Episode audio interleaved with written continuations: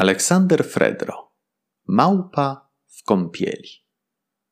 Rada małpa, że się śmieli, kiedy mogła udać człeka.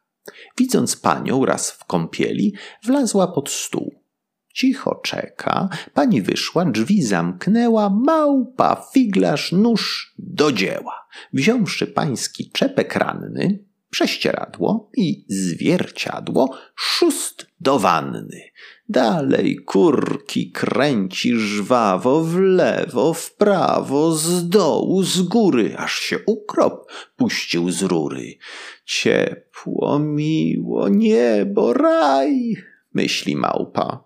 W to mi graj, hejże, kozły, nurki, zwroty, figle, psoty, aż się wody pod nią mącą, ale ciepła coś za wiele trochę nadto.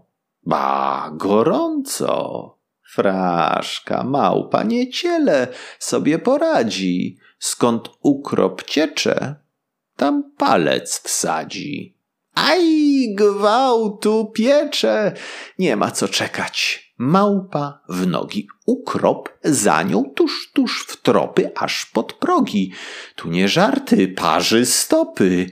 Dalej w okno, brzęk, uciekła, że tylko palce popiekła, nader szczęśliwa. Tak to zwykle małpą bywa.